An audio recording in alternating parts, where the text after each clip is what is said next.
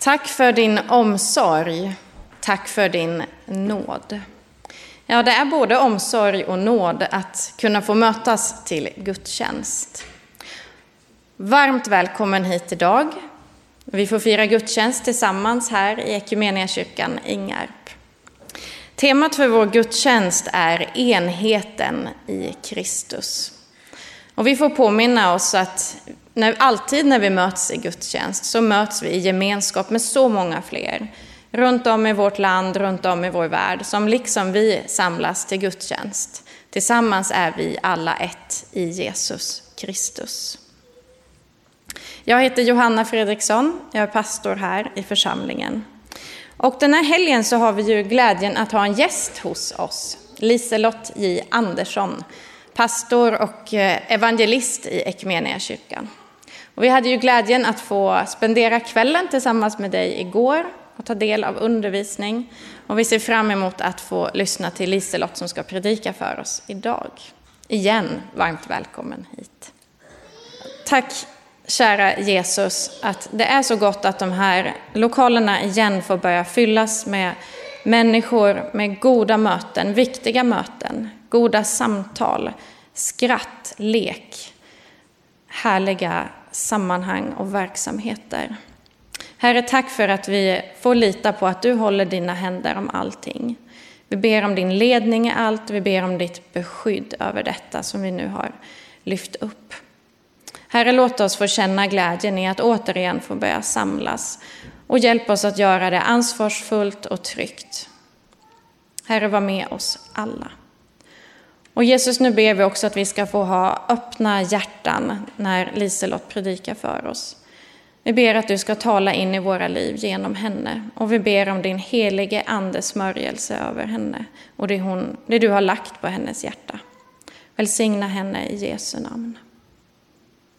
Amen. Liselott, talarstolen är din. Ja, väldigt fint att få återknyta bekantskapen med er. Och jag måste säga att ni har en fantastiskt vacker kyrka. Jag säger inte det som ett fjäsk, utan det är verkligen så. Det är så stilrent och vackert. Och det känns att det är mycket kärlek inbyggt i den här fina, det här fina hemmet. Det stod ju så där ute. Välkommen hem. Då vill jag läsa ett par versar ur den mäktiga bön Jesus ber på väg mot korset. Den som finns återgiven i Johannes evangeliets 17 kapitel. Och jag läser en liten del av den som är texten för idag. Johannes 17, 9-11. Jag ber för dem, alltså oss. Jag ber inte för världen, utan för dem som du har gett mig, eftersom det är dina. Allt mitt är ditt och allt ditt är mitt och jag har förhärligats genom dem. Jag är inte längre kvar i världen, men de är kvar i världen och jag kommer till dig. Helige Fader, bevara dem i ditt namn, det som du har gett mig, så att de blir ett, liksom vi är ett. Amen. Ja, vi var inne i Apostlagärningarna igår kväll och där kan man läsa om den första kristna församlingen i Jerusalem. Att de var ett hjärta och en själ och de hade allting gemensamt. Vi vet ju precis hur det känns att vara ett hjärta och en själ. Därför att vi är det ofta i bön och arbete, i gemensam sorg och i stor gemensam glädje. Men det där att de var ett hjärta och en själ i den första kristna församlingen, det är inte hela berättelsen.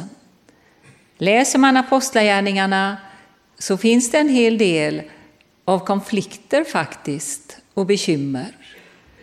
Det finns på det stora allmänna planet i det som då fanns av den unga kyrkan. Till exempel berättas det om ett viktigt möte som hölls i Jerusalem år 50. Och då gällde det bland annat frågan hur ska vi göra med de som inte är judar och som har kommit till tro? Behöver de också omskära sig till exempel? Och så finns det konflikter mellan olika grupper i församlingen. Till exempel tycker invandrarna att de blir förbisedda. I Apostlagärningarna 6 berättas om det. Och så finns det konflikter på det personliga planet, till exempel mellan Paulus och Barnabas.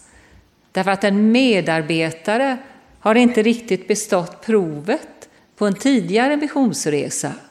Och så är de inte överens om om han ska få följa med eller inte. Och det blir så pass allvarligt att de faktiskt åker åt varsitt håll. Och så där har det varit i hela kyrkans historia.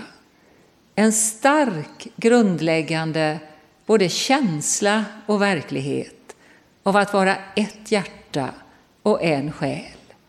Och ändå nästan hela tiden har det varit bekymmer med enheten, både i stort och i smått. Varför är det så? Ja, man kan säga bland annat helt enkelt därför att Paulus del säger att den som är i Kristus är en ny skapelse. Det är helt sant. Men samme Paulus ber oss att arbeta på vår frälsning. Underförstått, vi är ändå inte riktigt färdiga helgon. Och så är det inte så helt enkelt att vara en kristen. Därför att man är världsmedborgare precis som alla andra och samtidigt medborgare i ett helt annat rike med andra lagar, Guds rike. Och det ska på något sätt gå ihop. Och så har vi fått den fantastiska utmaningen som går igen i hela skapelsen.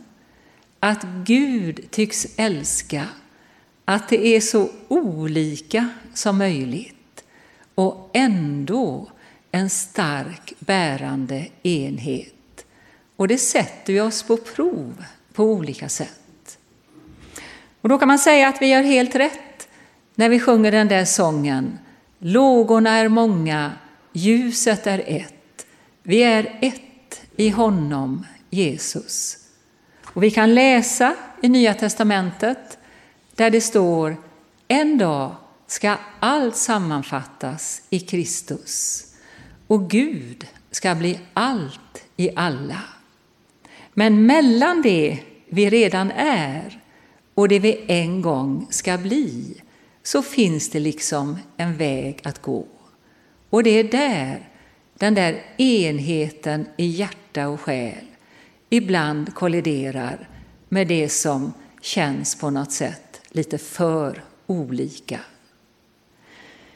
När jag var ung, så där kanske i 20-årsåldern, och gav mitt vittnesbörd, så brukar jag säga ungefär så här, att jag var tacksam över att jag kom till tro i ett väldigt ekumeniskt sammanhang. Och då menade jag den kristna skolgruppen på gymnasiet i Kungälv, som på något sätt var min första församling. Och när jag sa att det var väldigt ekumeniskt, då betydde det att vi kom från olika frikyrkor. Det var så långt jag kunde sträcka mig på den tiden. Jag är väldigt glad att min upplevelse av den kristna familjen har vidgats betydligt sedan dess. Att jag idag har kära syskon i Svenska kyrkan, i katolska kyrkan, i ortodoxa kyrkan. Att jag knappt hade överlevt som kristen utan alla dem. Och att jag förstår lite mer idag vad Paulus menar när han säger i Efesierbrevet 3, från vers 18 och framåt, att det är tillsammans med alla de heliga som vi kan fatta något av bredden och längden och höjden och djupet och lära känna Kristi kärlek. Men varför kan det inte vara så att de där olikheterna också inom en församling bara är en glädje och en välsignelse? Ja, Paulus säger så här i Kolosserbrevets andra kapitel. Ni har lärt känna Jesus Kristus. Lev då i honom med rot och grund i honom. Och när man inte är rotad hos Jesus, då är det andra saker som blir väldigt viktiga. Till exempel olika åsikter i olika frågor, olika beteenden och attityder.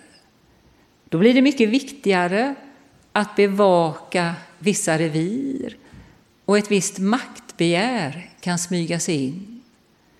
Och någonstans där inunder tror jag ofta det finns en rädsla. Om jag inte riktigt är som henne och som honom, betyder det att jag inte får plats då? Att jag inte duger? Att jag inte räknas? Jag tänker att ett nyckelord i det här så viktiga arbetet, det är vad Paulus säger i Första Korintierbrevet 12, när han talar om den kristna gemenskapen som en kropp, där vi alla är delar och han själv, Kristus, är huvudet. Då står det så här, ögat säger inte till handen, jag behöver inte dig. Och huvudet säger inte till fötterna, jag behöver inte er. Det där ordet behöva är en nyckel nyckel. Och så står de här märkliga orden. De delar som tycks vara svagast är mest nödvändiga. Och Paulus kan ju inte mena något annat än de medmänniskor, syskon, som ibland och vissa nästan för hela livet på olika områden bär på en speciell svaghet. Kanske i kroppen, kanske i själen. Varför är de mest nödvändiga? Jo, de visar på något sätt vad som finns i en gemenskap. Är det snålt? Är det generöst? Är det kallt? Är det varmt? Och det är ju inte så att en del är svaga och vi andra är det aldrig. Svaghet finns hos alla på olika plan och de som inte kan dölja det kan hjälpa oss andra att lite våga släppa fram mer av det så att det blir mer ärligt ibland oss. Men varför är det så viktigt med enheten i mångfalden? Det kan väl gå ändå? Ja, nog är det så att den kristna församlingen inte är ett litet särintresse som en del lite speciella individer ägnar sig åt som ett fritidsintresse. Det tror vi ju inte. Vi tänker att den kristna församlingen är en prototyp faktiskt på en ny världsordning. Det som en gång ska bli när allt är fullbordat. Det är därför det är livsviktigt med både enhet och mångfald. Så att alla kan få plats, men så att det finns något starkt gemensamt som bär. En och annan av oss kanske har tänkt, det har ju gått bra med digitala gudstjänster. Vi kanske kan fortsätta så. Nej, säger Jesus, en stad som ligger på ett berg kan inte döljas. Ett ljus sätter man inte under sädesmåttet. Det är livsviktigt, det där med enhet och mångfald. Att det finns en plats där det kan gå i den här världen. Och när man undrar över men hur bär man sig åt? när det inte blir så lätt. Eh, det finns ju en del klassiker, säkert i alla våra bokhyllor. Det här är en sån för mig och för många. Den heter Liv i gemenskap, skriven av Dietrich Bonhoeffer, som ju var präst i andra världskrigets Tyskland och som mördades precis innan freden kom. Det är en verklig pärla. Den är på något sätt skriven i blod, så känns det. Bonhoeffer säger bland annat, och citerar ett bibelord, Sen började lärjungarna tvista om vem av dem som var störst. Där, säger han, där skjuts en verklig giftpil in. När vi ägnar väldigt mycket tid åt att bedöma och kritisera varandra. Och så säger han, en god hjälp, det är att låta bli så långt det går att inte ge detta ord, att arbeta med sitt eget inre. Och så talar han om de goda verktygen som kan hjälpa oss bort från det där. Han talar om vikten av att hjälpa varandra, gärna på det praktiska området. Han talar om biktens betydelse. Ibland när vi arbetar på vår egen frälsning så kan det verkligen vara en välsignelse att inför någon vi har förtroende för och kan lita på och som håller tyst få avbörda oss där vi tycker att vi har misslyckats med vår egen frälsning och få förlåtelse och se mer barmhärtigt på andra sen. Och där är också nattvarden för många av oss det stora tillfället när vi lägger vid Jesu fötter det vi vill ska försvinna i hans grav och på något sätt få uppstå till något annat. Sen finns det oerhört mycket i breven i Nya testamentet som talar om detta, hur vi förhåller oss till varandra. Och jag tänker faktiskt så här, eftersom det finns goda ord om det i nästan varenda brev av den store församlingsgrundaren och ledaren Paulus. Det säger någonting om de orden har behövts och det är nästan lite tröstande när man kanske ibland tänker lite för glorifierat om de första kristna. De hade ungefär samma bekymmer med samlevnaden som vi ibland har och behövde hjälp på vägen. Det är inte konstigt att vi behöver det. Om jag bara snabbt citerar och påminner om några av de orden. I Romarbrevet 15 säger Paulus, godta varandra som Kristus har godtagit er. I Filipperbrevet 2, var så till sinnes som Jesus Kristus var. I Kolosserbrevet 3, ha fördrag med varandra i kärlek, var överseende. Och i Romarbrevet 12, låt dig inte besegras av det onda, utan besegra det onda med det goda. Och så har vi hört episteltexten läsas i Efesiebrevet 4. Och där finns det där nyckelordet bevara, bevara den andliga enheten. Och något man ska bevara, det är ju något som redan finns. Och det är ju det vi vet, att ibland så kärvar det, men vi vet att i botten finns detta. Ett hjärta, en själ i Kristus. Vi är ibland beredda att gå i döden för varandra, att bära varandras bördor, att offra nästan hur mycket tid och möda som helst för det vi gör tillsammans. Det finns där i Kristus, i oss. Det är något att bevara. Det är värt att tacka för och det är nog också värt att lida för. Jag tog med en bok till ur bokhyllan där hemma. Jag vet precis när jag köpte den. Det var när jag var ganska ny som pastor. Jag var singel på den tiden.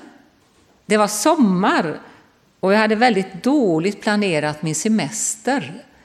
I ett svagt ögonblick hade jag lovat att vara kursledare i ett sammanhang. Det tog tre veckor av semestern och jag fick knappt ett öre betalt. Det kan jag fortfarande vara sur för. Eh, men så var det väl någon vecka kvar och jag tänkte något får jag göra i alla fall. Så jag åkte till Stockholm och det regnade och jag hade inte mycket pengar och någon hade tipsat om ett billigt hotell. Det räckte med några timmar på det hotellet för att jag skulle förstå varför det var billigt, så att säga. Och så strövade jag lite där i regnet i Stockholm och gick in i en bokhandel och så hittade jag den här Ylva Eggehorns då nyutkomna Språk för en vuxen tro. Jag läste den på tåget hem och jag tänkte ingenting annat gör någonting när jag fick den här boken i min hand. Och det var länge en av mina biblar. Nu var det länge sedan jag läste, men jag visste att hon hade skrivit väldigt bra om enheten, så jag tog fram den häromdagen. Och jag tar mig friheten att citera några rader. Så här skrev Ylva i början av 80-talet. Så kallas också vi in i lidande för enheten idag. Men det är inte från talarstolar som det avgörande sker. Det är sömnlösa, ångestfyllda bönenätter. I de mest smärtsamma erfarenheterna av egen och andras ondska och begränsning. I den yttersta ensamhet och isolering och nöd. Där sker det, för där ser vi vårt beroende. Där upphör gemenskapen att vara ett krav, en rättighet och blir istället den stora oväntade gåvan, räddningen till livsmod när vi tyckte att vi hade förlorat allt. Det kanske bara handlar om att ett enda telefonsamtal når oss från en god vän i en sån situation och vi känner att det lyser upp natten och får oss att orka en dag till. Bara på de nivåerna kan enheten börja betyda något för oss inte som ett konferenstema att samla professionella kristna kring, utan som en överlevnadsfråga i den stora utsattheten som vi alla lider av. Och bara några rader till. Hon skriver det är inte meningslöst att be, tala och handla för kristen enhet. Vårt hopp är ingen illusion det är inte grundat på oss själva och på vad vi kan åstadkomma, utan på något som är före alla våra tankar på kristen enhet. Innan vi tänkte enhetstanken fanns enheten redan där, före oss, större än vi, djupare än vi. Det är därför Jesus ber för oss. Skytten går i väven den har inte stannat av.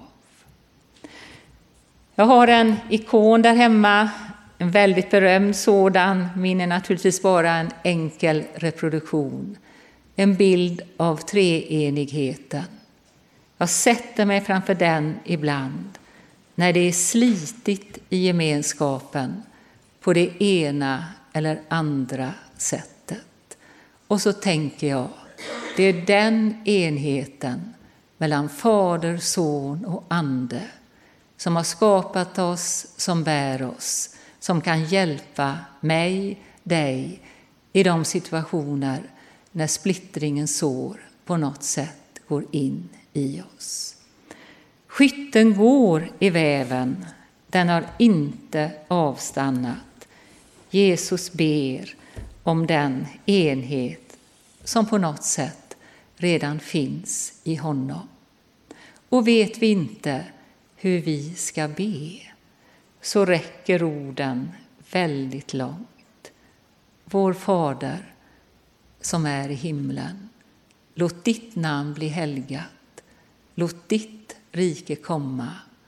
Låt din vilja ske. Vi ber. Jesus, tack att vi har fått lära känna dig. Lär oss än mer att leva i dig, med rot och grund i dig. Så att vi kan se nyfiket och tacksamt på olikheterna som träder fram i din kropp, bland människor som är på väg dit. Bara du vet på djupet vilka sår vi kanske bär på det här området. Vi ber om fortsatt helande och vi ber om mod att arbeta på vår egen frälsning och på att din församling än mer ska återspegla vem du är. Jesus, tack att du har lagt grunden.